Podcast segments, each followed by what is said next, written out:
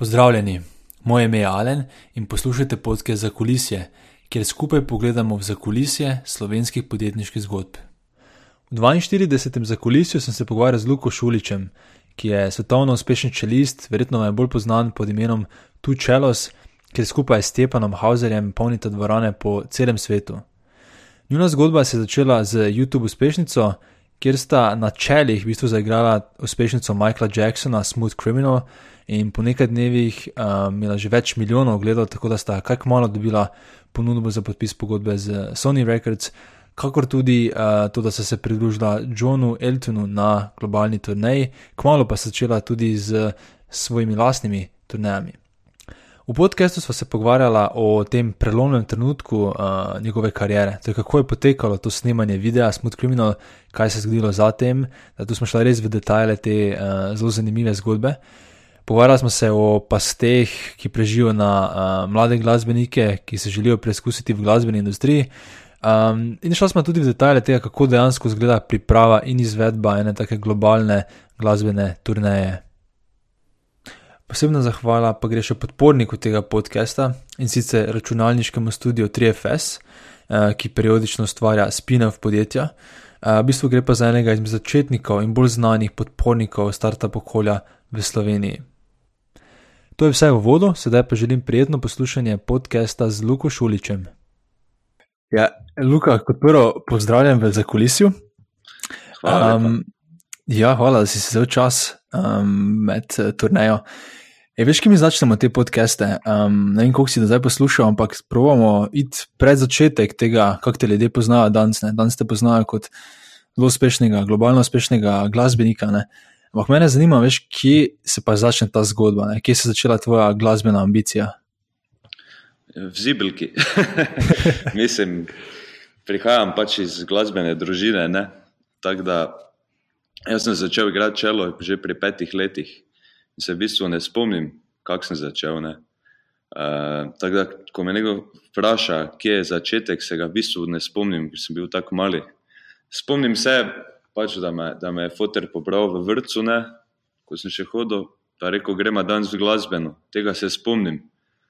In sem v bistvu v Mariboru začel uh, na, na glasbeni, v mestu je bil en full fine profesor, ki je zelo znal z otroci. Ne? Bil je tak odprt, širok človek, uh, Vladimir Kovačič, v bistvu tudi pisatelj, pa alpinist. Uh, vem, šel recimo v Južno Ameriko z tremi malimi otroci, pa tam živel dve leti, taki avanturist mm. in je zelo, zelo dobro uh, znal delati z, z malimi otroci, dal jim je to ljubezen do glasbe. Um, in sem imel v bistvu to srečo, da sem da sem pri njemu začel igrati. Imel sem pa tudi, seveda, podporo ze strani družine. Eh, oče je tudi violončelist, eh, mama uči glasbo na tretji gimnaziji v Mariboru. Um, tako da brat se je tudi, starejši se je ukvarjal z glasbo, igral kitaro šest let, pa pol saksofon tri leta. Uh, zdaj pa se ukvarja tudi z elektronsko glasbo, uh, hip-hop produkcijo, um, elektronsko produkcijo. Um, Tako da, pa sestra mlajša, ki je deset let mlajša od mene, tudi eh, igra violino, zelo talentirana, um, trenutno uh, študira v Zagrebu, zdaj pa šla na Dunaj dalje. Tako da gre v bistvu nekako po moji poti tudi. um, tako da sem v bistvu celo življenje obdan z, z glasbo, tudi po očetovi strani. Uh, moja teta je violinistka, uh, moj dedek je bil violinist, uh, babica je igrala lepo klavir. Uh, po mamini strani pa recimo uh, je dedek tu igral uh, jazz, uh, trobento je igral, čeprav se ni profesionalno ukvarjal z glasbo. Um, pa tudi mamina sestra, moja teta je tudi glasbeni teoretik in zborovodja, tako da v bistvu music all over the place. ja, ja. Tako prava glasbena družina. Ja. Veš, kaj me zanima? Pri dosti kolegih, ki vem, da so jih starši vpisali v glasbeno šolo, ne, se mi zdi, da potem ni bilo tiste ljubezni do glasbe. Kako se je pri tebi to razvilo, da ni to, da te je oče vpisal v šolo, bila prisila, ampak da se je nekako razvilo v ljubezen? Mislim, da je to stvar, stvar karakterja, stvar otroka jaz enostavno, ko sem igral čelo, sem, meni je ta feeling bil nekaj posebnega. Ne, sploh čelo, ki ga igraš, je tak inštrument, ne vem, objameš ga, pa ga imaš med nogami, pa igraš, v bistvu, kot da ne, zelo neka, nek, nek lep feeling je bil vedno. Um, jaz, jaz sem pol tudi dosti hodil na tekmovanja, uh, ko sem bil otrok že, tako da sem imel tudi to še, imam neko tekmovalno plat v sebi, sem tekmovalno, tako da so tudi tekmovanja nekaj verjetno pripomogla k temu, da sem da sem vadil, da sem se temu posvečal uh, čim, čim bolj. Uh, mm. Zdaj, tudi, tudi ukvarjal sem se tudi z športom, paralelno, ne, ker mislim, tudi smo, nismo samo glasbena družina, tudi, tudi, tudi z športom smo, smo povezani. Tako da glasba in šport sta vedno bila nekako glavne, glavne dve stvari v mojem življenju.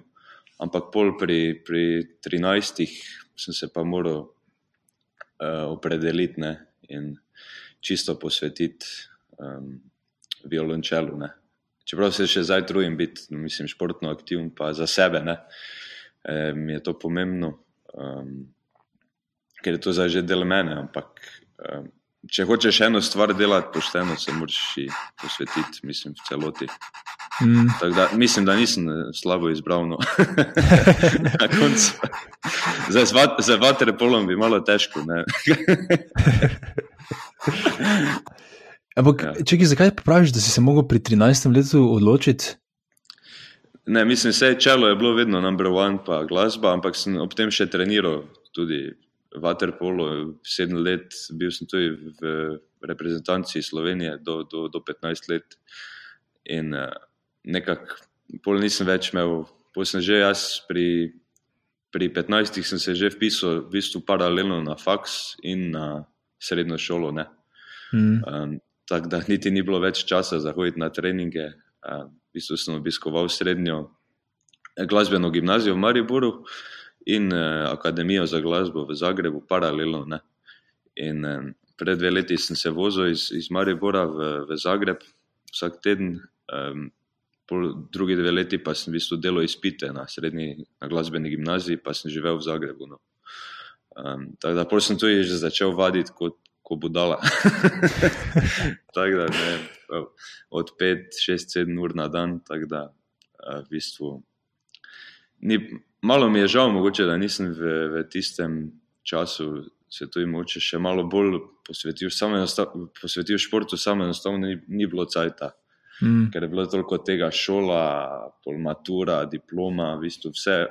18, pri 18 sem v bistvu prvo sem diplomiral, pol sem pa diplomiral sem junija, ne? pol pa sem še maturo naredil septembra.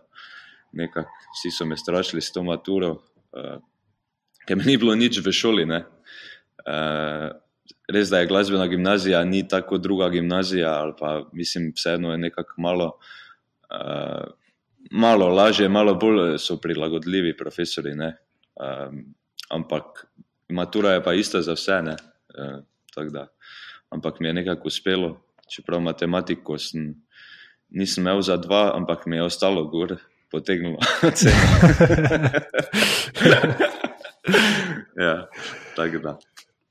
Zdaj praviš, da si šel po tem, pač si se čisto posvetil uh, glasbene. Ampak Veš, kaj mi je fuz zanimivo, pač, da se mi zdi, da si že pri tistih letih imel to res globoko, globoko ljubezen do, do glasbe. Ne? In tudi, ko sem poslušal tvoje druge intervjuje, se mi zdi, da to nekako vedno pride skozi. In me zanima, kako sploh do tega prije, da dobiš tako neko globoko ljubezen do nečesa, oziroma v tem primeru pač do glasbe. Kako se je to razvilo? Pač, uh, mislim, razvilo s tem se rodiš z, z, z neko muzikalnostjo, z talentom. Mm, da, da, da ko igraš, da, da, se, da, da se dotakneš ljudi, mislim, s tem se rodiš. Um, imam, imam te neke glasbene gene, uh, zdaj pa sam inštrument uh, obvladati, to pa je pač tako športne. Uh, trening, vadba, vadba, repeticija, repeticija, repeticija, tekmovanja. Mislim, jaz, jaz se ne spomnim, da sem od od 12. leta naprej, da bi imel, ne vem, kakšne počitnice, fraj, v celoti. Um, Non-stop sem hodil na seminarije, na, na tekmovanja, tudi poletja, uh, bi vadili celo poletje. Tako da pač ljubezen do glasbe, pa, pa neki talent, to, po mojem, to imaš v sebi, ostalo je pa pač stvar karaktera, ali boš to izkoristil do konca, pa pač se posvetil eni stvari, ali pa ne. ne. Zdaj, mislim, dosti umetnikov je tudi kako bi rekel, all over the place. Ne? Težko se, dosti umetniških duš ne, se težko fokusira na eno stvar in se ji posveti. Ja. Do konca, to je zelo pomembno. Recimo, um, Tako da imaš ti dosti, mislim, talentov, ki pa pač niso, niso dovolj fokusirani. Ne? Um, nima dovolj močen karakter, pa, pa ne vem, tudi, tudi rutino je treba imeti. Um, mm. zdaj, umetniki niso znani po, po neki rutini, meni pa rutina paše. Ne? To mogoče mi je tudi šport pomagal v tem, um, ta vadba. Pa, vem, pa obseden moraš biti s tem. Mislim, tako pri vsaki stvari, če hočeš biti pač uspešen, pa iti do konca, moraš biti obseden s tem. Mm.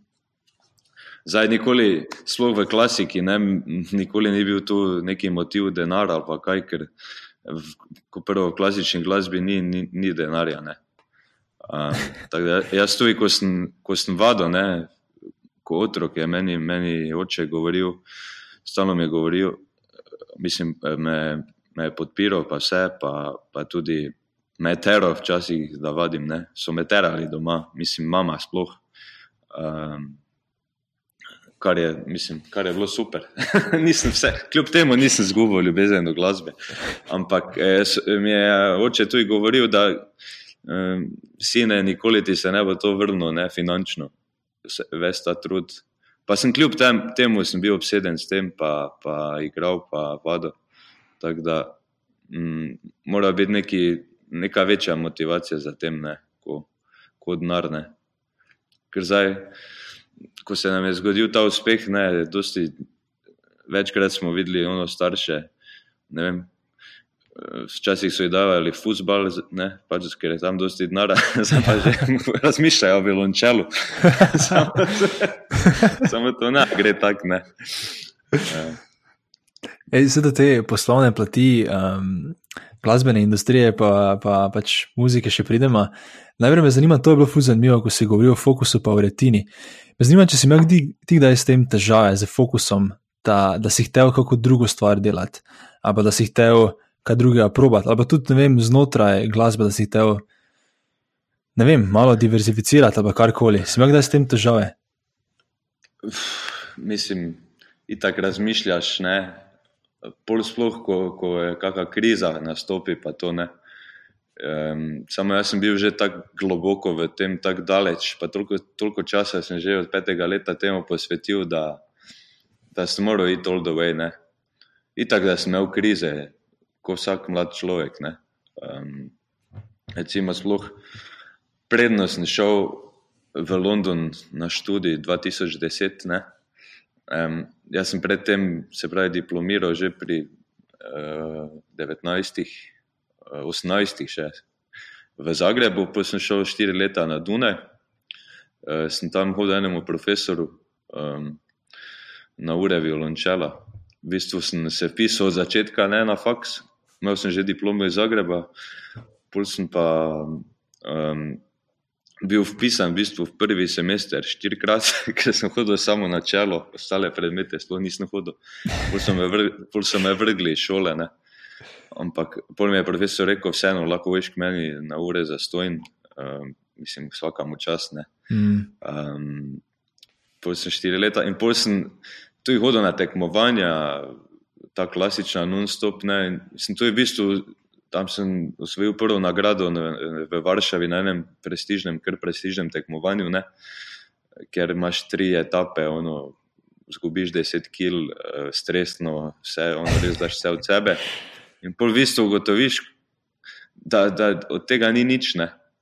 ni novih priložnosti, ni um, tekmovanja, so full zgubila v klasiki na, na neki pomembnosti. v klasični glasbi. In pol padeš v neko tako krizo. Ne? Mm. Uh, tako da jaz tu imel krize. Mene, oprosti, mene kar odpelje, jaz ko govorim. Ni pa nič. Vem, vem, da se ne držim tistega od začetka, ampak se pol nekako pravim vrniti na to. Um, in pol sem se komaj, nekako sem rekel, moram še iti nekam poskusiti. V, v, sem rekel, grem v London eh, na kao, uh, magisterij, ne, proba če Royal Academy, novo okolje. Mm. Zdaj, na Dunaju mi je bil tako malo um, zaprta sredina, se mi je zdelo malo konzervativna. Um, London je pa le večje mesto.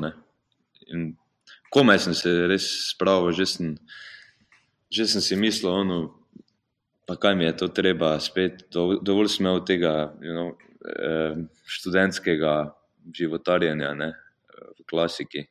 Uh, ampak sem se nekako spravil tja in čim sem prišel tja, se, se mi začela odpirati stvari. Tu v klasiki, tam sem zmagal ene ene par tekmovanj eh, v sklopu akademije, ne, Royal Academy, um, ker pol igraš tudi v Vigmar Hall, to je prestižna klasična dvorana. Um, ne vem, full scholarship sem imel pa vse. Ampak pol, pol čez par mesecev sem pa že naletel na o, drugo budalo iz Tučelos, na Hausera. In je pol vse se obrnilo na glavo. Tako da sem v bistvu bil par mesecev tam, smo že mi dva začela z, z tem projektom, ne, smo posneli ta Smooth Criminal, mm. ki je šel pač viral. Ne. In pol sem v bistvu, na mesto, da bi dve leti tam študiral, sem skrajšal. Na eno leto, pa kljub vsemu kaosu, sem uspel končati tudi magisterij tam, pa v, v Londonu. Tuj, tako da imam tudi magisterij od tam. Čeprav mi za papir, tudi zdaj nič več, mislim, ni mi važno. Uh, ampak kljub temu, no, sem uspel nekako zgurati. Sem pa imel tudi krize, tudi, tudi ko sem bil mlajši. Mislim, pol, ne vem, enkrat sem razmišljal, da bi raje bil kuhar kot glasbenik. Ja, to sem tudi slišal. Ja. ja, pa tak šport. Pa jaz, jaz sem vedno imel rad. Všeč mi je bilo pri športu. Ne? Ker je vse ta tekmovanja športna, ne, so dosti bolj, kako bi rekel, objektivna, pa ve se, ne, če, si, če si dober, si dober, medtem ko v klasični glasbi je pa bolj subjektivno. Ne, zdaj, žirija je, pa dosti tudi nekih kuhinj, pa vsega. Mm. Pa, vem, imaš profesora v žiriju, ko ima študente na tekmovanju, ne, pa gre oni dalje v drugo rundo. Tako da je bilo dosti, dosti tudi razočaran na teh tekmovanjih. Pa, Pa saus, pa ne vem, če česa. Sploh, ko si mlajši, pa bolj občutljiv. Ne? Ja, ja. Ej, da, veš, kaj nekaj povej. Ne? Danes, Pač vsi poznajo tvojo zgodbo od tukaj, od uh, tega videa Smooth Criminal naprej. Koliko let mm. si ti vadil oziroma investiral v svoje glasbeno znanje, prednje prišlo te prelomne točke? Ja, od petega leta, kot sem povedal, sem uh, na polno v tem. Um, takoj pri, pri osmih sem šel na prvo tekmovanje. Uh, in non-stop vsake par mesecev na tekmovanja. Ta tekmovanja so, niso fajn v glasbi, ampak so nekako nujno zelo, uh, kako bi rekel, dobra motivacija. No. Aha, zakaj? Uh, zato, ker imaš neki cilj pred sabo in pol tu bolj vadiš, bolj se pripravljaš, napreduješ uh, mm -hmm. skozi ta tekmovanja. Um, so pa, tako sem povedal, dosti je, dosti je kuhinj, vsega skupaj. Um, ampak um, so pa dobra za, za razvoj, no, tehnični, bi rekel, razvoj v smislu igranja inštrumenta. Mm. Tako da, ja, od petega leta naprej, pa mislim, vse do, do zdaj delamo na, na polno. zdaj, imamo, zdaj, imamo, zdaj imamo pauzo, malo. Um, od aprila dalje, nijama turneje, eno leto, leto pa pol. Um, Mislim, imam pa že vmes sam zmenjen za neke solo klasične nastope, tako da nema spavanja. Da pomenem to. Um, torej, spoznala sta se z Stepanom v, v Londonu, oziroma tam srečala, ne? in potem je prišlo do tega videa na YouTubu, ne? ta Smooth Criminal. Da pomenem malo več, kako je do tega videa sploh prišlo. Veš, kako ste se pogovarjali o tem, kako ste brainstormali, kako ste to posnela, vse, vsi ti detajli, v bistvu me najbolj zanimajo. No, mislim, najna zgodba pele malo bolj nazaj. Eh, že pri 14. smo se spoznala prvič eh, v Zadru na enem seminaru, eh, pač poletna šola za mlade glasbenike. Mm. In že tam smo se ono, zaštekala.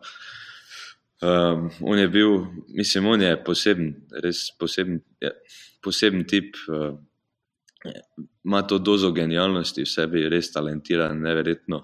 Ima pa tudi ta, ta neverjeten drive ne, za, za, za kariero, za samo promocijo, za tisto. Ne.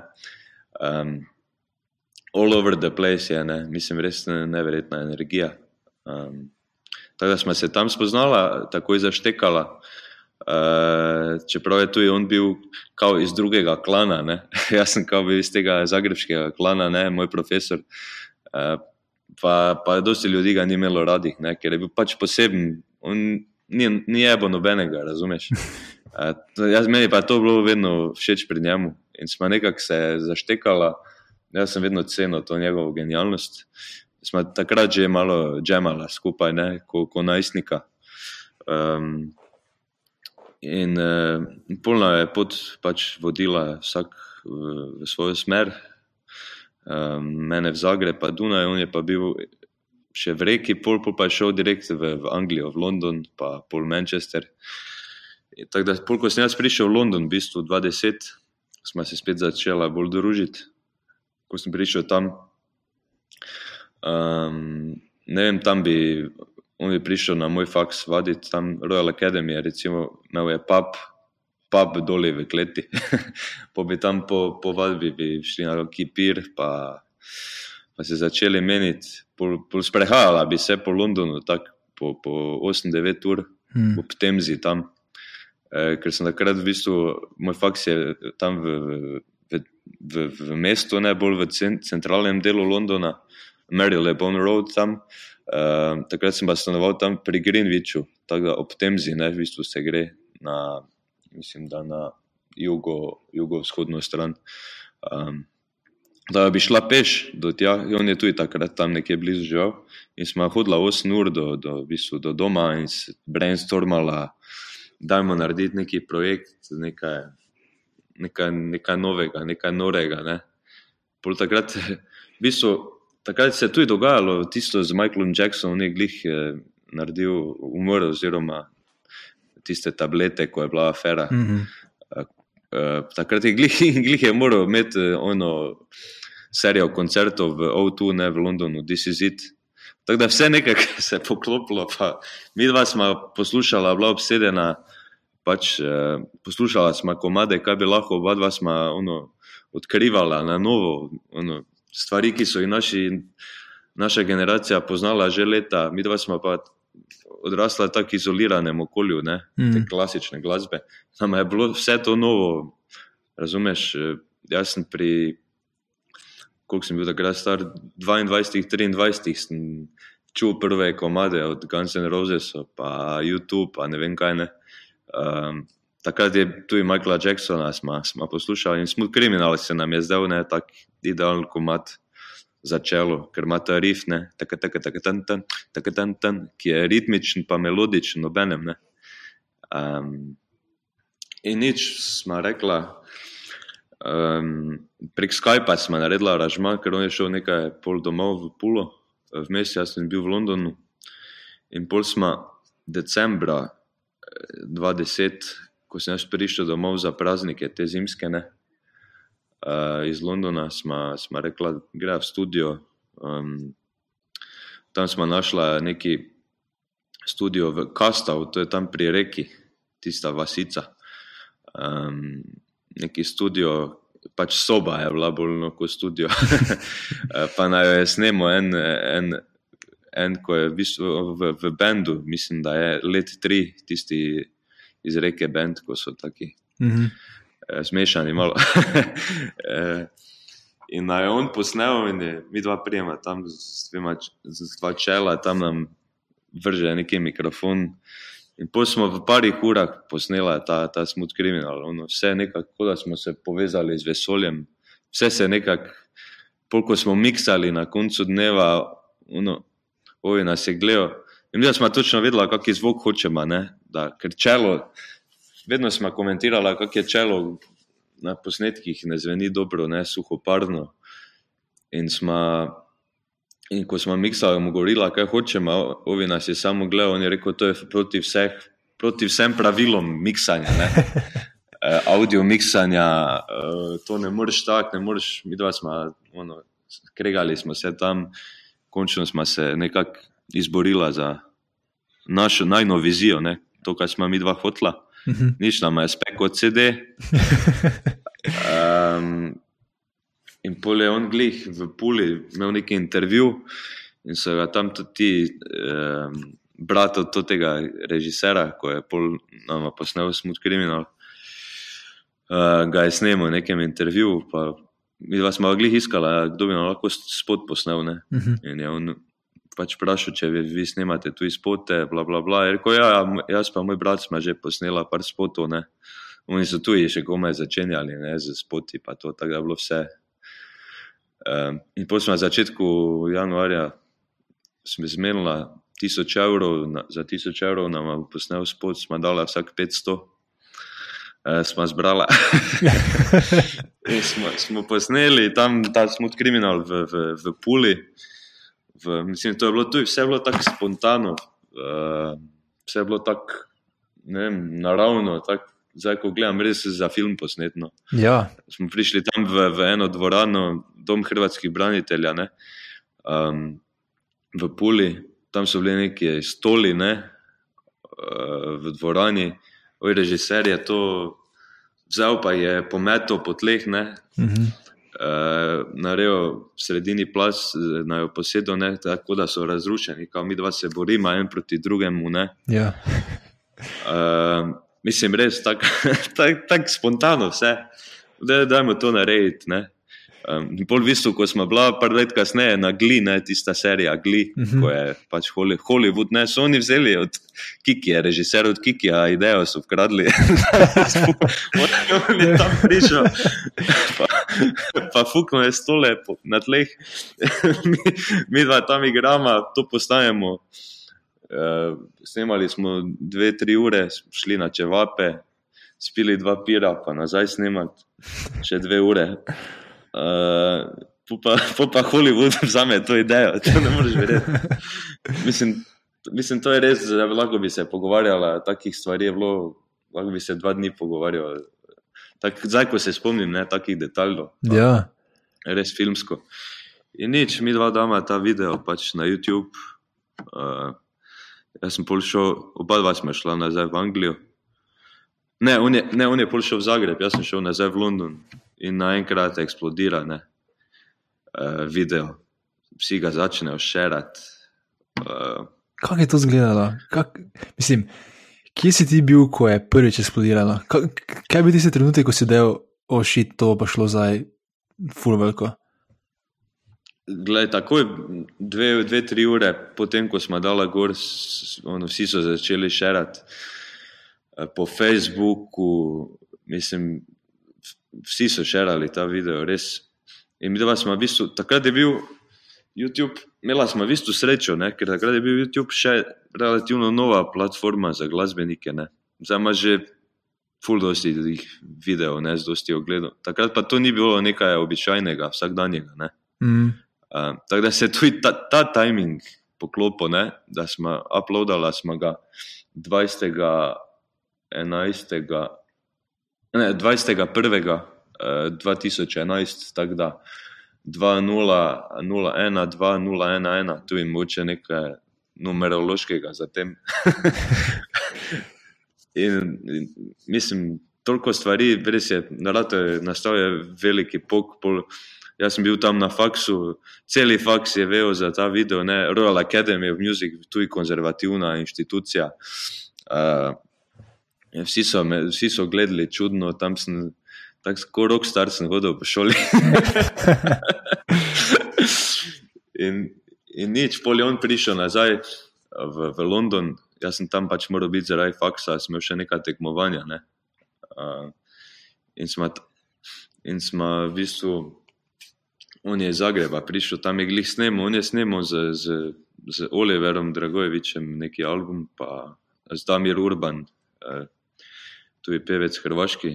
Um, in je prišel v London in ni imel kje za biti, ker imel je pač eno dolgoletno punco, sta šla glih na razen. On je tu je bil tako malo v krizi, prednost smo posnela to, ne. Tu je probal različne projekte, iskal, tako da.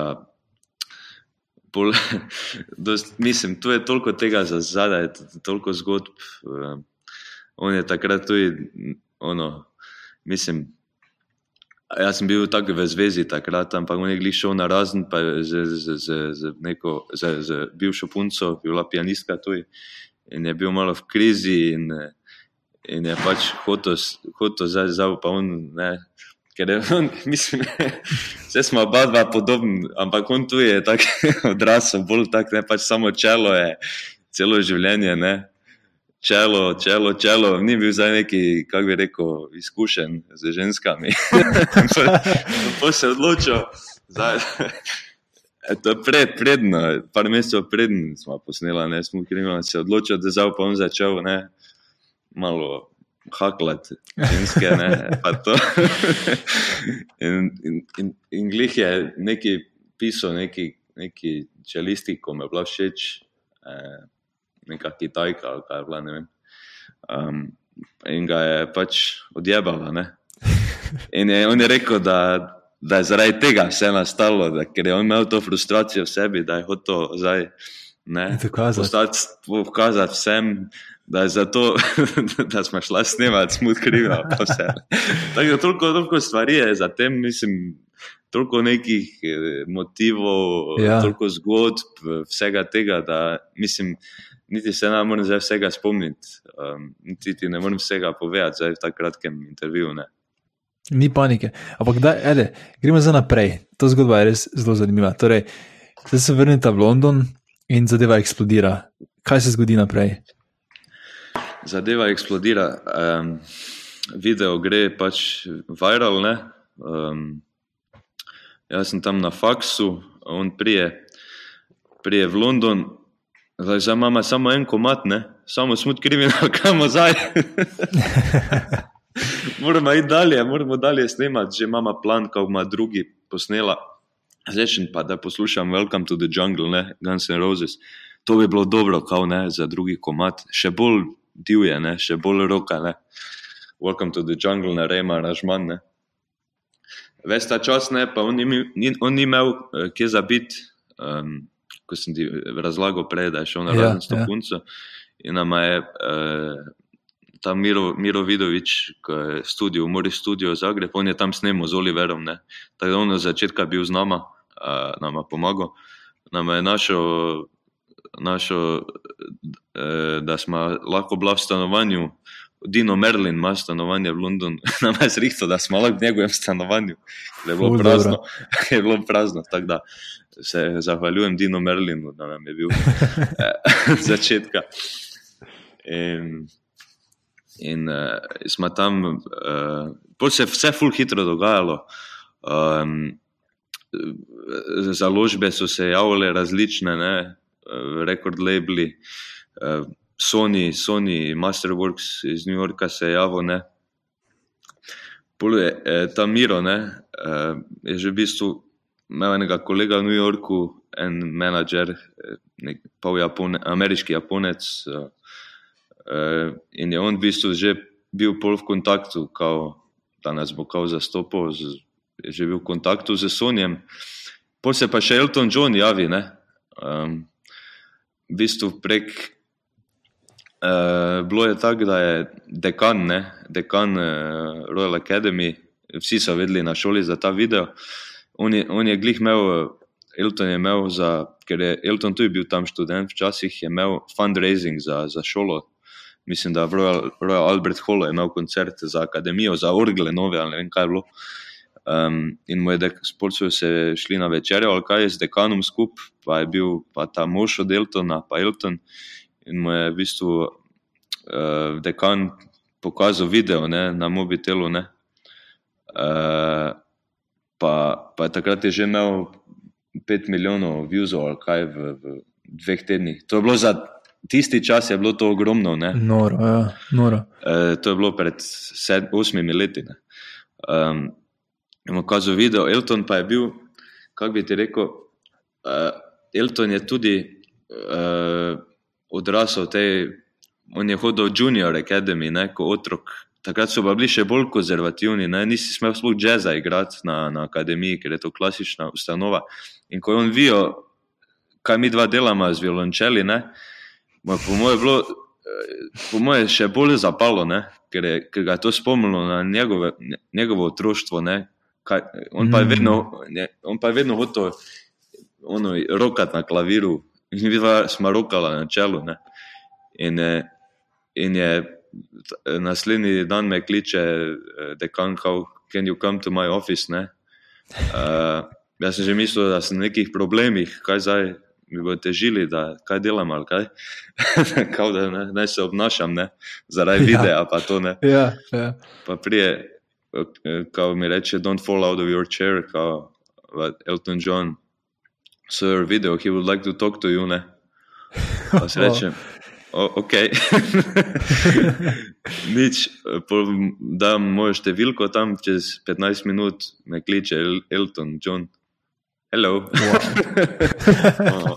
jaz pa študent, ono, klasične glasbe, mislim, ono, noro, ne, ne vem, kaj bi ti povedal.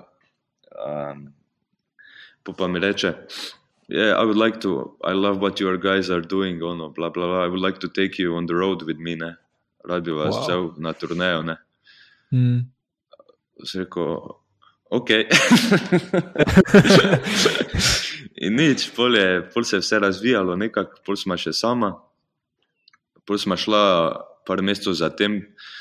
Um, no, pol smo imeli ta management v New Yorku, pa vse skupaj, ampak pol smo od. Um, maja, meseca, smo že začela z Eltonom igrati ne, um, njegovem bendu. Um, in pol je vedno, Elton ima tudi svoj management, ne Rocket Music.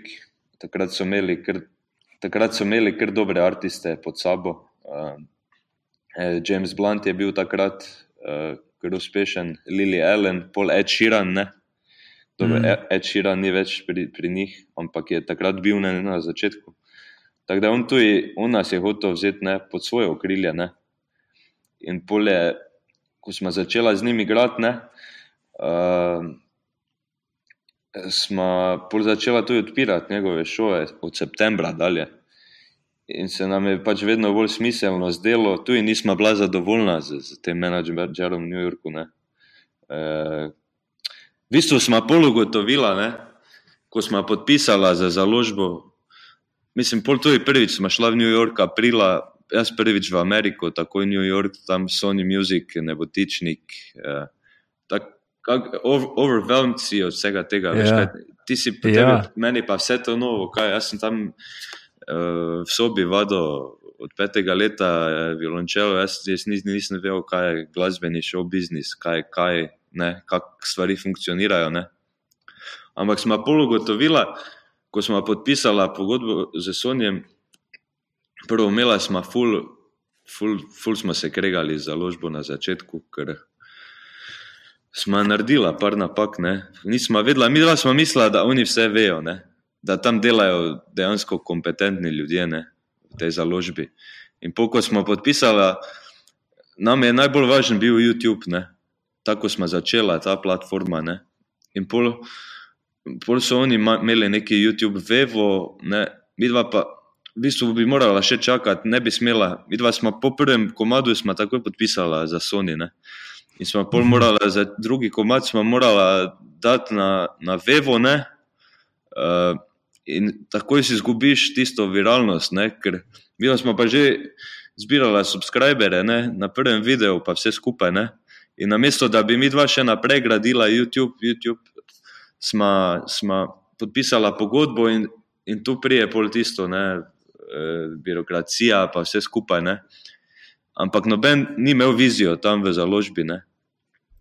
Ti misliš, da, da, da, da bi tam delali kompetentni ljudje, ne, v digital, ne, kao digital marketing, bla, bla, bla, head of digital marketing, head of onega, head of onega, noben pojma nima. Mi dva smo imela, vedela več o YouTubu, kot oni, razumeš? In to ti pove, vsi mislijo, ja, zdaj pa jaz eh, podpisal za ložbo, pa ti bo oni pomagali, pa bla, bla, bla. -hmm. oni, oni se samo prišlepajo, pa prikrpajo na, na tvoj uspeh ni drugega, ni, veš kaj mislim. Ne? Do, zdaj ja. smo malo zašla z teme. Ja. Ne, ne, se to je fuz zanimivo. Ja. Ampak kako ste se potem rešila iz, iz te pogodbe, ki ni bila? Ne, seba smo še pod pogodbo, samo smo se pol izborili, da lahko imamo svoj kanal, da ne rajma davati na vevo. Mm. Jaz osebno sem pisal mail tam direktoru, pa uh, smo se stavljala mail pa skupaj. Pa, to ti mail moramo tu ukviriti enkrat. Tako smo se, tri ure smo ga pisali s Kauzerom. Rekel, da, rekel, da sem tako sestavil mail, da bi še, da bi še kamen za joko. no, v bistvu, pol smo že, uh, pol smo že šla v Eltonov management, ne, oni so, pol ovi nas je zajebavo, ne, ovi menadžer, odvetniki, bla, bla, bla, pol Eltonov management je moral njim plačati odkupnino, ne, da smo lahko šli k njim. Mm, tak, celi kaos je bil res, mislim. Pa tudi to pogodbo, ko imamo s Sonijem, bi lahko bi, boljše, da bi še malo čakala, da nismo takoj podpisala. Ker v bistvu založbe niti nimajo več tako moč, kot so imele včasih. Um, zaradi interneta, zaradi YouTube, si tega lahko sam narediš. Um, za naju, Zdaj, če, si, če si neki pop artist, pa če rabiš veze, da ti priješ na radio, pa da imaš radio play, da se tvoji, tvoji komadi vrtijo po svetu, polje moraš imeti založbo, ne? ker so na tem področju še vedno močni. Mm -hmm. če, si pa, če si pa nekdo, ki pač ni na radiju, ker mi dva nikoli se ne bomo vrteli na radiju, ker, ker smo instrumentalna, instrumentalna akt, pa v bistvu založba niti ni več toliko pomembna. No. Ti, e, e, prvi šov v Ameriki nam je bil Ellen DeGeneres, ne? to je tudi vse prišlo direktno na naju. Ne? Oni so pač pol to samo izkoordinirali. Um, ampak ne vem, kako bi ti rekel, vse, vse najboljše priložnosti pa ponudbe so prišle direktno. Ne? Na naju, nič ni bilo zaradi založbe ali pa menedžmenta ali pa bilo česa. Ne? Mm. Veš, kaj ti hočem, ker ljudje mislijo, ja, pa, če imam jaz tega menedžera, mi bo on zrihtal to, bo on zrihtal ono, založba mi bo to zrihtala, samo tako funkcionirajo stvari. Veš, kaj mislim. Ja. Prvo moraš sam narediti, pa čim več sam, čim več sam, moraš imeti svojo vizijo, pa vse. Pa, pa če dobiš še kakšno pomoč ob strani, ampak noben ne bo tebi pomagal, veš kaj mislim. Zato smo tudi začeli z YouTubeom, ker smo v klasiki, je tudi tako, v klasični glasbi, tudi tako, da gre vse preko veze. Um, ali poznaš tega dirigenta, ali tistega, ne, tistega umetniškega vodjo festivala, bla, bla, bla. Uh, vse bolj spolitizirano, kot v nekem rock'n'rollu ali pa v show biznisu. Ne? Ker v show biznisu, v rock'n'rollu imaš ti svoj fanbase, svoje fane. Uh, ki kupijo karto ne, za tvoj koncert, prijejo te poslušajo, vse bolj demokratično, bi rekel. Ne. Medtem pa, ko v klasiki pa ni, ni nekega fanbase, ne, ampak so bolj ti eh, koncerti ali pa abonmaji, pa od simfoničnih orkestrov, ki imajo pač so tudi sponzorirani strani države. Tako da oni ne živijo od prodaje kart, veš kaj mislim. Ja. Uh, in je pač, moraš biti v dobrih odnosih z, direktorji, bla, bla, bla. Tu, tu pa imaš ti svoj fanbase, pa, pa lahko delaš, kaj hočeš. Uh, imaš večjo svobodo. Um. Tako da smo tu v bistvu v klasiki, ne, uh, to sem šel razlagati. Uh, smo rekli, nama noben ne bo pomagal, Sa, sam si moraš pomagati. Ne. In smo rekli, da moramo dobiti maso za sabo. Smo, maso ljudi pomeni veliko ogledov na YouTube. Ne? In smo zato v bistvu tudi, vedno smo verjeli v YouTube, ne pa v internet. uh, da je to edini možen način, kako priti. Ker, če nimaš tega, kako boš ti zdaj prepričal nekega direktorja, eh, rekord labela, da naj investira v tebe? Ne? Ne vem, oni, ko vidijo odziv na, na, na, na internetu, v ogledih, v, v, v lajkih, polje lažje. Um, tako da, ja, tako jaz gledam na to. No. In, to in to je tako. No. Veš, kaj mi povej? Um, kaj je šlo potem od tega, da sta odpirala koncerte za Eltona Johna, do tega, da sta videla postale glavne zvezde koncertov, veš? da sta videla imela svoje turneje? To je raslo, to je raslo naravno. Pač pol smo tudi uh, snemala albume, snemala spote, pol koncerte smo imela vedno večje, pol snemala smo koncerte, live smo investirala, vse to davala na YouTube. Uh, pol tudi word of mouth, pač ljudje se radi vračajo na naše koncerte. Um, zaradi energije, strasti, ne vem česa. Pač vedno več ljudi je prihajalo, turneje so bile vedno večje, posnetki na YouTubu so bili vedno bolj pompozni, uh, večjih dvoran, arena Pula, pa pol arena Diverona. Um, um, pomembno nam je bilo, da tudi live posnetke delimo, ker na koncu koncev, koliko, kako uspešen si ti v živo, pa koliko ljudi pritegneš na svoj koncert, to je najbolj važno. Ne? Sploh zdaj v glasbenem biznisu. CD-ji se več ne prodajajo, mi se na radiju ne vrtimo. Tako da edini v bistvu največji income je, eh, pa uspešnost eh, je za naj v life. Vedno smo tu. Res pa je, da smo mi dva od malega performera. Ne? Mislim, če ne imela ta drill od samega otroštva eh, v klasični glasbi in imamo pač, kako bi rekel, imamo izkušnje, pa, pa vse skupaj za narediti kvaliteten koncert, pa kvalitetna performera smo. Ne? E, to je tudi, to je tudi pomembno. Ne? Zdaj, dosti, dosti pop-artistom se zgodi, da uspejo prek noči, pa, pa je treba zdaj live ne zgraditi nekaj, pa, pa ne gre, ne? Uh, ker pač nimajo teh izkušenj. Ne? Zdaj imaš seveda imaš, eh, imaš uh, izjeme, kot so Ed Sheeran, ne, ki je predno je postal slavn, imel že 2000 špilov v rokih, ki je začel na ulici igrati, poligral po pubih, vsak teden ogromno špilov ne, in, je imel, in je imel to dolgotrajno pot že za sabo. Um, to je pol tisti real deal, ne, zato pa je on zdaj največji pop-artist na svetu. Ne. Mm. Spomni stadione, dva stadiona za, za, za poredne. Kako se bo organizira ena taka turnaja? Organizira se tako, da, da se zmeniš za okvirne termine, pa pa imaš booking agenta.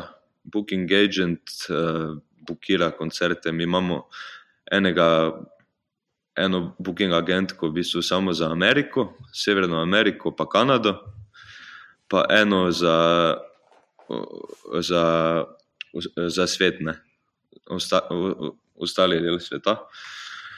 In ti ona, ona predlaga, ne. Mi dva smo tu in nismo takoj začela, z, z, mi dva smo tu igrala po, prvo po klubih, pa teatrih, ne, smo, smo rasla postopoma. Tako da uh, smo komaj zdaj, evo zdaj imamo po Ameriki turnejo samo arene, večinoma samo arene, no. um, kar je res neverjetno. Um, ampak pač agent bukira, ne, se pa, pa imaš uh, tour menedžera, ko ti pač vse organizira, logistiko, transport, opremo, uh, budžet naredi za vse, koliko je stroškov, koliko je vsega. Uh, ta glavni menedžment pa vse nekako skoordinira. V bistvu oni imajo najlažje delo, oni samo najdejo tour menedžera, pa tour menedžer vse dela. Management pa samo provizijo pobira. No. pa, odgovarja, pa odgovarja na maile. Um,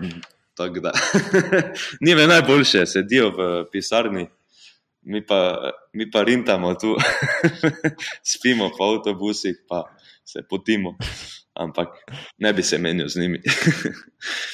Ja. Kako se pa financira ta turneja? Mislim, to morata vidva investirati, v, vložiti v, bistvu v vse to, pa potem pač na koncu se razdeli nekak prihodek ali to založba pokrije. Ne, ne založba. Uh, mislim, nekdo rabi pomoč založbe, če mi da smo vedno, se zato pa ne smeš biti preveliki megaloman, pa preveč. Pre, mi smo imeli srečo, da smo, ved, da smo samo dva, ne, pa bubnara, mama. To je to od benda. Mm. Tako da, tak da ti pol tuji ostane nekaj. Ne. Uh, pol tuji na začetku nismo imeli neko megalomansko produkcijo, ne, ker je to postopoma gradiš, ne moreš pametno. Pač eh, turnaja se financira od prodaje kart, ne prodaje kart so vse. E, ni to nobenih sponzorov, pa, mislim, ne rabimo sponzora. No. Od prodaje kart, pa bolj ko rasteš, več, je, več se kart prodaja, večji je income, pol tu je lahko začneš e, več denarja porabljati za produkcijo, za, za band, za ne vem, Evo, zdaj imamo recimo že tri kamione, pa dva turbasa. E, prejšnjo turnejo smo imeli dva kamiona, pa en turbas, tako da rastemo. Ne. Imaš tu več ljudi, imaš več kamermanov, zdaj, zdaj imamo dva svoja kamermana, eh, ki imajo pač v roki kamero, pa še dva na fohu. Eh, imamo super VJ-ja, se pravi za video, imamo za light, super človeka, eh, za audio, dva, pol tour manager, pol production manager, pol imaš stage manager, pol imaš uh, en, ko je za merch, merchandise pač zadolžen. Um, tako da nabere se z ljudi, zdaj nas je, mislim, da v celi ekipi 24-25. No. To me je vedno zanimalo, kako veliki del, kako pomemben je sploh merchandise pri takih turnejah. Odvisno, kako za koga. Pri nama mrč ni, ni glavna. Nekak, to je bolj kot neki uspod, toliko da si neke stroške pokriješ, ampak ni to neki veliki inkam. Ker moče je problem mrču, da ni glih lepi. Zdaj, meni ni neki dizajn. No.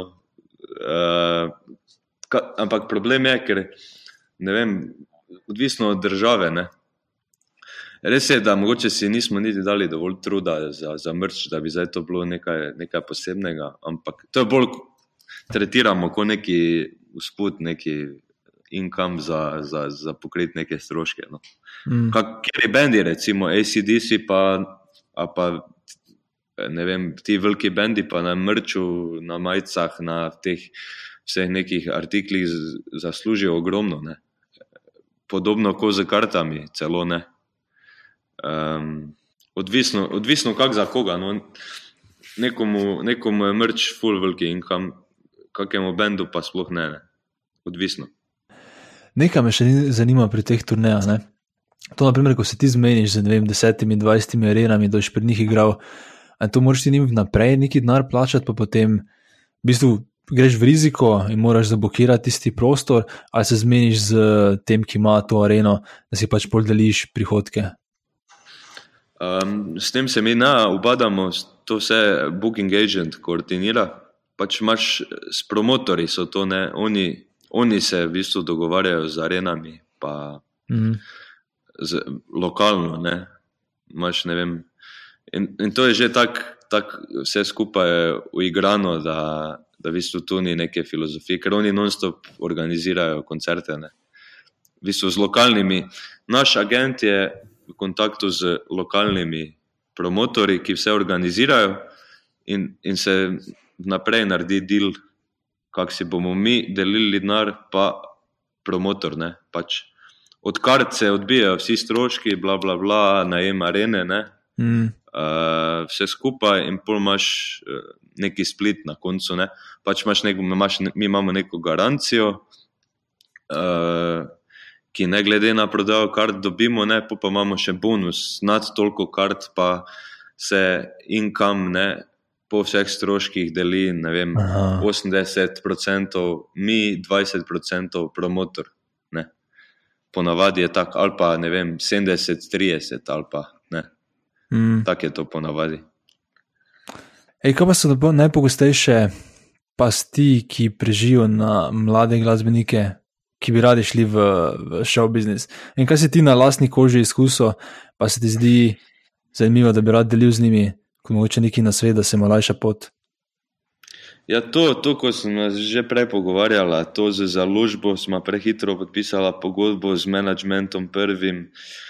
Mm, vedno je treba moče vzeti korak nazaj. Pa.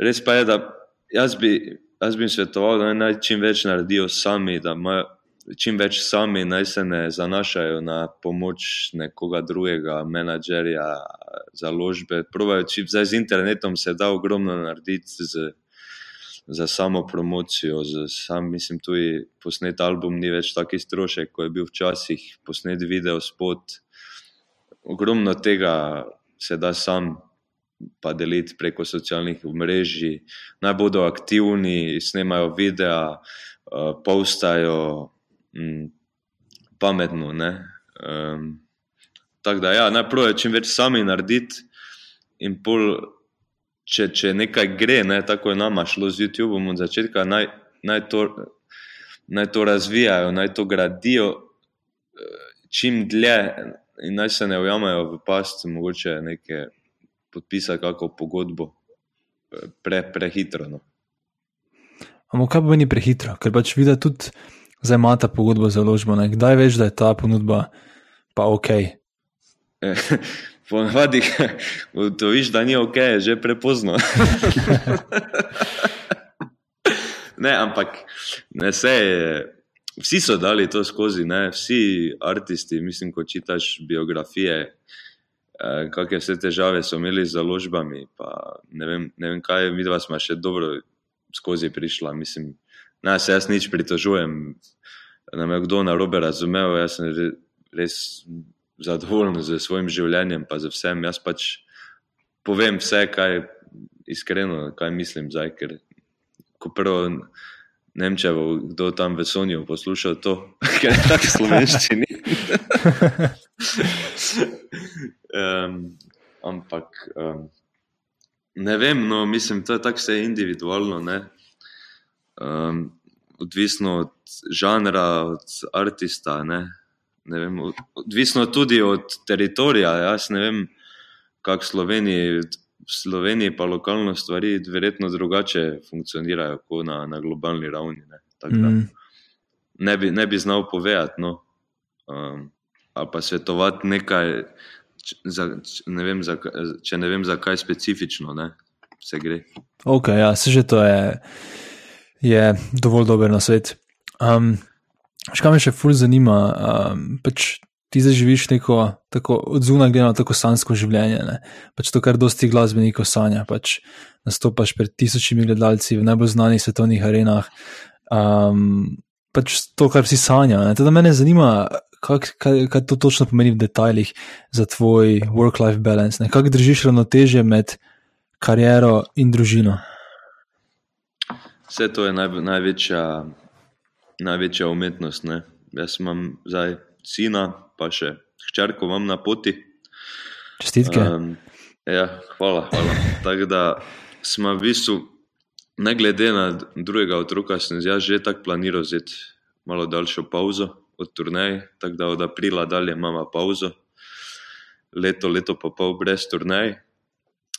Vmes bomo še snemala, še, še en album nam je ostal po pogodbi, šesti album.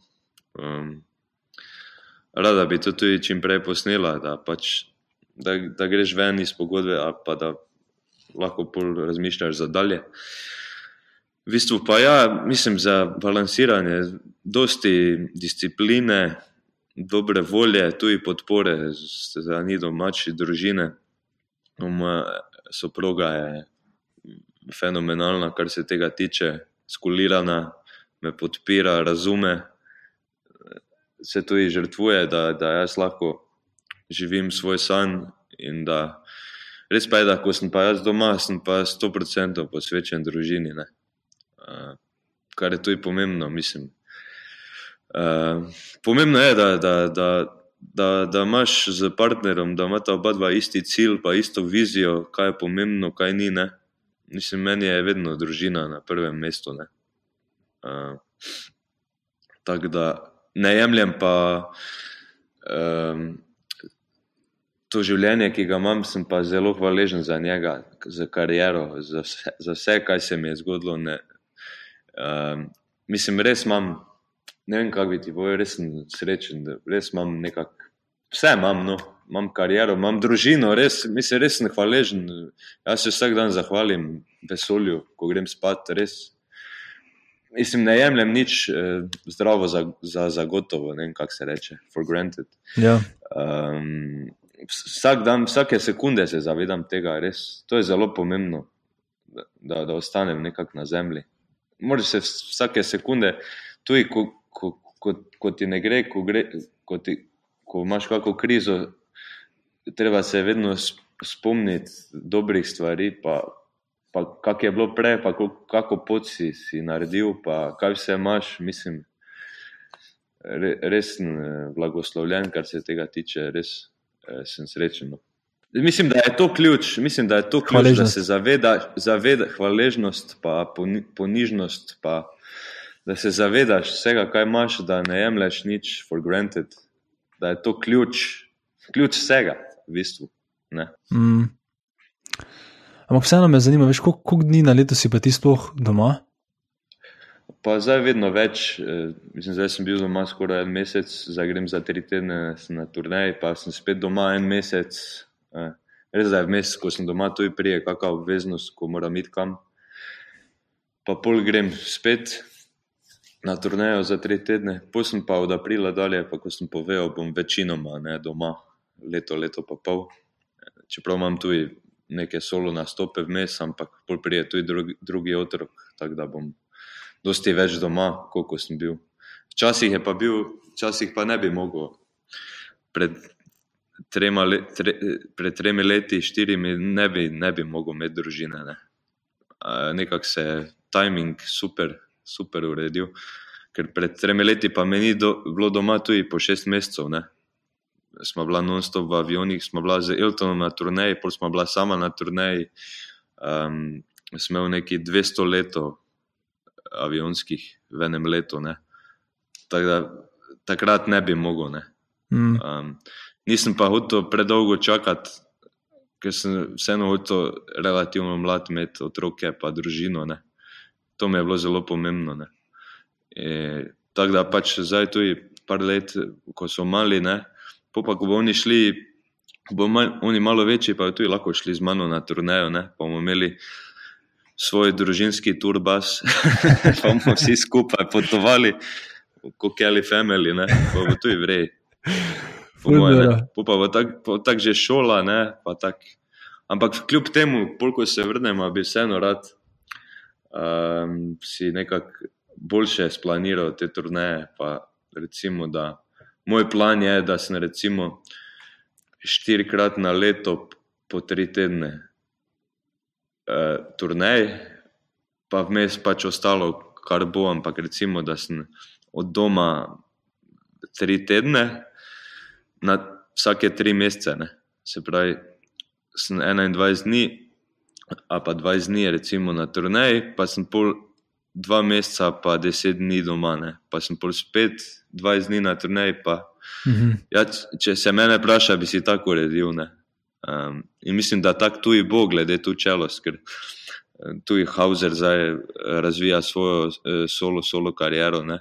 Svojo, tako da on lahko pol vmes tudi fura svoje stvari, jaz lahko furam kakšen svoj koncert, eh, klasični. Ne. Eh, se posvečam družini vmes, tako da gled, če bo vse po planu, bo tako, se bo tako vse uredilo, če ne bo, bo bomo drugače. Uh, mislim, bo že kako bo, ne. bomo videli, kako bo. Veš, kaj mi je še fuz zanimivo, to še nisem slišal nobenega iz prve roke. Kako ta turneja zgleda? Torej, ko imaš teh 21 dni, pa ko si, a pa takrat mogoče to opisi, ko je bilo ekstremno, ko si imel 200 let v enem letu. Kak en teden sploh zgleda? Jaz si sploh ne predstavljam, kaj, kaj to pomeni. Hotel, bus, letalo, arena in to, to ali kaj, kaj, kaj- sploh delaš v tistem času? Uh, zdaj, recimo v Ameriki smo v turbasu ne? in ne vem, cel dan si pač tu v areni.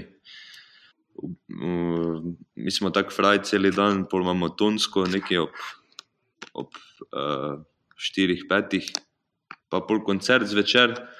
Po koncertu je loadout, nekaj ob enih zjutraj, avtobus, turbus, na katerem spimo, pa vse krene v naslednji, naslednje mesto. Uh, zjutraj se zbudiš, greš ven, iščeš, kje je tvoj garderoba, vlečeš oni kovček z avtobusa, gledaš, ki bo šel na WC prvo. iščeš WiFi po areni, ki je dober WiFi, to, to je to. Vsak dan je isti. v glavnem, eh, zjutraj, ko se zbudiš, sta dva, dva dvojna V, sta WiFi pa VC. To je, to je primarno zjutraj, ko se zbudiš. Ker na, na avtobusu ne, smeš iti na VC, mislim, veliko potrebo. Tako da zjutraj si laufa v garderobi. Ja. Šalim se, šalim se malo. To lahko izrežeš. ja, če hočeš, bom zrezal, ni pa nekaj. Ne, rabiš vseeno. Um, ampak, veš, kaj se te šte vprašati? Okay, torej, ko imate teh 21 dni za turneje, koliko dni od tega pa dejansko pol imate koncerte? Eh, Kaki dan imamo tudi dva koncerta v enem dnevu. Recimo v Dallasu ne, imamo dva koncerta, enega ob dveh, enega pa zvečer. Pol v New Yorku tudi Radio City Music Hall imamo dva v enem dnevu. Ne. Uh, pa imamo recimo tako štiri zapore, pa en travel day, v bistvu, ko, ko moraš priti z ene, ko je full dolga pot, vmes imaš pač travel day. Ne? A, okay. Pa se voziš, pa se zbudiš, pa si čez dan v nekem motelu, pa greš zvečer spet dalje. Um, Tako da nimaš kaj dosti, frajdni, niti jaz nimam rad frajdni, ko sem na turnaji, ker hočem čim prej domov, veš kaj mislim. Ja, ja. Če sem na turnaji, pa gledam v strop cel dan, pol bi lahko bil doma z družino, tako mi tu je nikulno. Pa tudi ostali, mislim, da so tako tudi v kruhu. Ne. Recimo, naš, ko nam dela video, ima šest otrok. Ne. Tako da vedno, ko mi je težko, se spomnim njega, kako ima on šest otrok, pa vseeno ne. Vse shendla, vse skupaj, res, res je neverjetno, moj dol. Um, tako da, ja, tako zgledano vse skupaj. Zdaj, če gremo še malo nazaj na work-life balance, me zanima, ko si doma, pa tudi, ko nisi doma, kako si postaviš mejo, koliko sploh delati. Škoda, včasih, ne, tudi ko si doma, je treba kaj narediti, ne, ali pa imaš neko idejo, da bi še nekaj naredil. Mislim, kako si zdaj postaviš mejo v tem, da si zdaj z družino, zdaj pa moraš še nekaj narediti. Ja, mislim, jaz, ko sem doma, ne, v glavnem posvečam družini. Zdaj, vadim vsak dan, ne? probam eno uro, vsaj, da sem v formi. Ne? Pa tudi, ker imam par klasičnih koncertov, kmalo moram biti v formi. Ne? Ostalo pa, ko utegneš, ne? v glavnem se posvečam družini, ker imam tudi ta neko potrebo nekako nadoknaditi čas, ko sem bil na turneji. Zdaj, ko sem na turneji, imam ogromno časa, tako da večinoma, večinoma se tu sebi posvečam. Um, vem, nove projekte, um, zdaj pripravljam ne vem, neko zelo zahtevno kompozicijo, moram zvati, tako da večinoma tu imamo ogromno časa in se in pol doma to samo pogrevam, kako bi rekel, uh, mm -hmm. ko je mhm. pač čas. Um, Je pa res, da je treba tudi, ko sem doma, tu pa tam skočiti v Zagreb, ker tam imamo še vedno studio, pa firmo, pa vse skupaj. Tako da um, pač iz dneva v dan, ne. Uh, nimam pa zdaj, nisem pa neki, mislim, ko sem doma, nisem neki vrkoholik, da bi zdaj, kako bi rekel, doma zdaj, da bi zdaj za, zanemaril družino zaradi dela, ker sem neki vrkoholik, ne, nisem mislim, sem vrkoholik, ampak vseeno sem pa družinsko zavedni vrkoholik. ja. Ok, kul, cool. Cool. Veš, kaj sem še slišal iz, iz več virov? Ne? Uh, da te slava ni niti malo prevzela. Ne? Zdaj skozi ta, mislim, da pogovor, da je to zelo zanimivo in lepo vem prišlo. Ampak ljudem je enostavno fascinantno, veš, da si lahko na en dan na odru nekem razprodanem, neki razprodani areni z 20 tisoč ljudmi, čez nekaj dni pa se pač sprehajaš po Mariborskem parku. pač, ja. ljudem, veš, pa si pač še vedno nekako držiš stik z, normalni, z realnimi tlemi. Ne? Pa se mi zdi, da je to ful teže, kot se zdi, pa me zanima, kako ti to uspe ne vem, taki si, po moje, taki, taki sem. Mislim, taki sem, tako sem vzgojen, tako sem odrasel. Eh, v takem okolju sem, eh, tudi doma je pomembno, da, da, ne, da te ne šparajo, v narekovaj. Da, mm. da imaš neki normalen odnos, da nisem jaz, zdaj, ko sem doma, da nisem Luka iz Tučelos, ki igra pred ne vem polno areno, ampak da sem Luka, oče, mož v domačem okolju z svojo odgovornostjo, s svojimi obveznostmi, družinskimi. Um, tako da, da te tudi doma tako tretirajo, ne? je zdravo, ne? da ostaneš na realnih tleh in normalno. Um, sploh pa, pa taki, taki sem po naravi, po karakteru. To, to je tisto, ko smo se menili, da si hvaležen, da, si, da se zavedaš vsega, kar imaš, ne? da nič ne, ne jemliš za for granted. To je tudi ključ do tega, da, da ostaneš normalno, se mi zdi.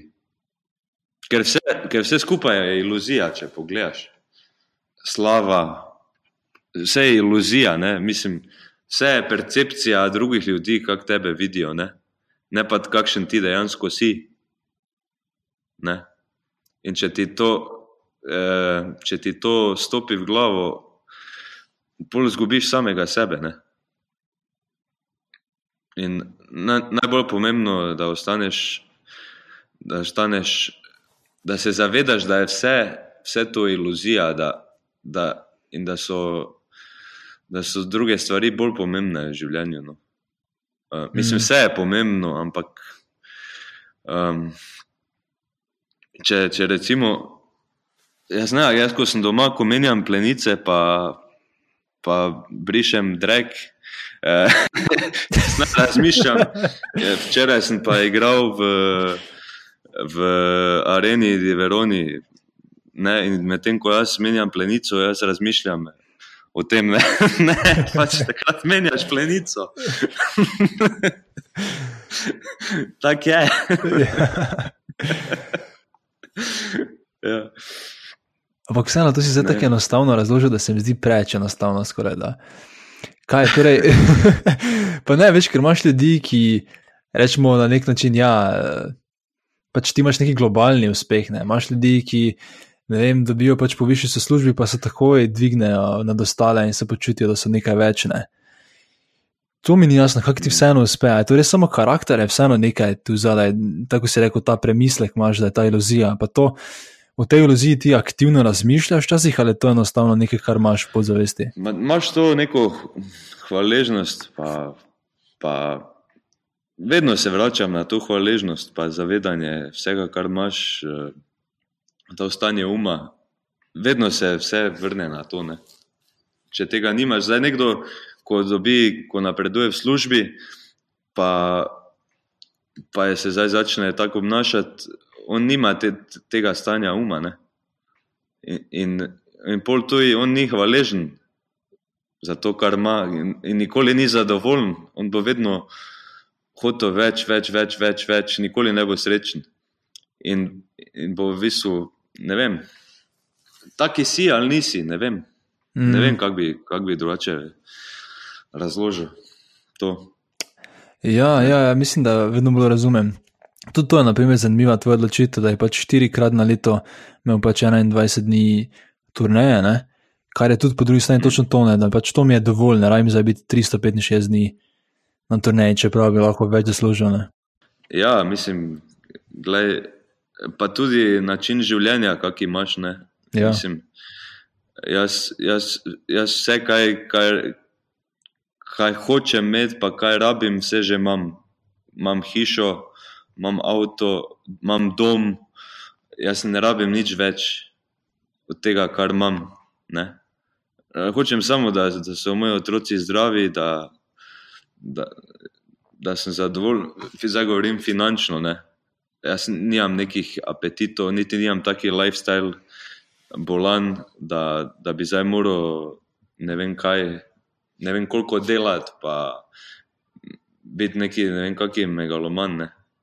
E, normalno, da hočem biti uspešen, pa igrati dobre koncerte, pa tudi za ta del svojega življenja sem neizmerno hvaležen, pa se zavedam vsega, kar imam. Ampak ne vem, tudi način, na kateri mi živimo, še vedno živim normalno. Mislim, jaz si redko, redko kdaj.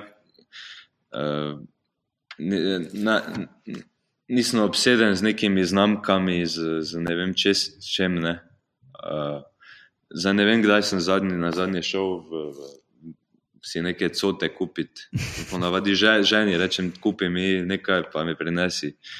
Uh, ne vem, niti me ne zanima neki shopping, pa neke ure, pa ne vem kaj, veš kaj mislim. Ja, ja. Tako da že način življenja moj ni tak. Res pa je, da tudi, ker živimo tu pri nas, je dosti lažje. Nekako, kako bi rekel, ne rabi se toliko gnati. Zdaj, recimo, če bi živel v Ameriki, se mi zdi, da je ta sistem že malo drugačen. Um, upam, da bo pri nas ostalo tako, kak je, da ne bo tako v Ameriki, ko imaš, že če imaš hišo, imaš ta property tax, pa imaš state tax, pa imaš ne vem koliko vseh davkov, pa ne vem česa, pa, pa pol tudi za health insurance, pa vse tam, da že v Ameriki moraš dosti bolj garati že za ta status, ki ga imaš. Medtem pa, ko pri nas, ko imaš nekaj, je vseeno to lažje, z manj, z manj, z manj eh, eh, dela, pa vsega to ohranjati. Mm. Tako se mi zdi malo, ko, ko se pogovarjam z ljudmi, ki živijo v Ameriki, pa vsem. In, in to mi je jasno, vsi, vsi hočejo živeti v nekih velikih mestih, v, v New Yorku, za me živel v Manhattnu, v Londonu, jo, kak je fajn. E, samo kako boš imel, mislim, neko družinsko življenje v takih mestih. Uh, moraš imeti, ko prvo nimaš babice, pa detkov, da, Meni je to najbolj pomembno, veš kaj, družina, družina. Uh, zdaj ti živiš v nekem velikem mestu, tvoji starši živijo ne vem kje, zdaj ti imaš otroka, moraš delati cele dneve, uh, imeti pet varušk, da čuvajo tvoje otroke, ti nimaš nič od otrok, otrok nima nič od tebe. Mislim, kako življenje je to. Am, da lahko rečeš, ja, jaz pa imam kariero, pa živim v Manhattnu, pa delam pol, ne vem, Uh, mislim, stvar odločitve vsakega posameznika, samo ne, ne vem. No. Luka, vem, da se moraš počasi pripraviti na. na Zdaj, že že tako dolgo pogovarjamo, da kar nekaj bluzim, sploh ne vem, kaj govorim. ne zamerite. Poslušalci. Meni se zdi super, drugače, da brez skrbi. Um, Tam še par samo zadnjih vprašanj. Me zanima um, ena stvar, naprimer, če imaš ti kakšen jutranji ali pa večerni ritual. Um, večerni, jutrni ritual. Ja, zdaj, ko, ko sem doma, imam ritual pač malemu dati nekaj za jesti, previditi ga, pa ga pelati vrtec. Tako da je to ritual. Pol, če, mm. če je vrtcu, prijem domov, pa ali telovadim, ponavadi provam dopolne nekaj telovaditi, nekaj narediti za sebe, za telo, pa se posvetiti violončelu. Ne. Zdaj tu na turneji pa, pa isto, mislim, provam dopolne nekaj telovaditi, narediti za svoje telo, ne, da se pol cel dan dobro počutim. Um, pol se pa posvetim čelu, pa, pa vadbi, pa, pa imamo že tako tonsko, tonsko vajo. Tako da, ja, jaz imam rad rutino, no, pa tako da imam pač šport, telo, pa, pa, pa glasba, pa je, pa je to tone, pa sem jaz srečen. Pol se čujem se z, z svojimi, takoj ko se zbudim ne, doma, se čujemo na WhatsApp, pa to vidim, da so vsi dobro, da, da imam bolj mir v sebi. Mm. Uh, to mi je pomembno. No. Nič kaj posebnega. Ej, kako pa uspeš vaditi um, na turneji? Mislim, kaj točno delaš?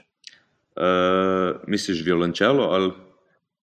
ali Ne, ne, mislil sem telovadbo. A, telovadbo. Telovadbo, ja, telovadbo. Mislim, imam tu za en uh, uh, kettlebell, imam 16 kilski, ki ga imam s sabo, pač v, v tovornjaku se vozi. Ne? Eh, Tako da Mhm. en dan delam pač eh, vaje s kettlebellom, drugi dan pa imam tudi uh, za štemat, pa za, za dipse imam uh, to neko power tower, je, kao, uh, za, za štemanje, pa za uh, taka prenosljiva, tu gre v, v, v kamion, pol to v kamion, oni zjutraj me čakajo v garderobi, ko imajo loadout, mi prinesejo v garderobo vse. Tako Mm. telovadim v garderobi, vadim v garderobi, vse. Vse imamo. ja, Vse imamo. ja. Ej, kul, cool, Luka, ej, najlepša ti hvala, res, da si si vzel čas med turnejo, da smo se lahko pogovorili, pa da si delil vse te res zanimive zgodbice. Čist kot zadnje vprašanje, samo um, kje bi rad, da te poslušalci najdejo na spletu, ki si najbolj aktiven, na katerem socialnem mediju, ki lahko tudi vajo najdejo, tu čelos. Um, pa če še karkoli, kar bi rad delil s poslušalci. A, Najdete nas v, povsod na internetu. Na Instagram smo najbolj nekako aktivni, pa Facebook, pa YouTube, sveta trojica. Instagram, Facebook, Instagram. Uh, pa nas pa pridite poslušati živo. to je najboljše. Točno to. to. Kdaj boste spet v, v Sloveniji igrali? Vse to je, zdaj, zdaj nas ne bo nekaj časa. Ne? Uh, kak, po mojem, kak je leto, pa pol dve naj v nebo. Pa ko prijemo nazaj, pa bomo prišli močnejši, kot bilo kdaj. Ej, hvala še enkrat, Luka. Okay, ni za kaj, hvala tebi. Hvala. Tako, to je vse v današnji epizodi. Če ti podcast za kulise všeč, te vabim, da se prijaviš na mailing listu na zakulisi.com, da boš obveščen ob objavi naslednje epizode. A ja, pa hvala vsem, ki ste oddali ocene in komentarje na iTunesu. Za tiste, ki pa še tega niste naredili, vas vabim, da mi tako pomagate razširiti besedo o tem projektu, saj z vsako oceno in komentarjem iTunes boljše nagira podcast in ga potem lahko odkriješ več ljudi. Hvala še enkrat in se slišimo v kratkem.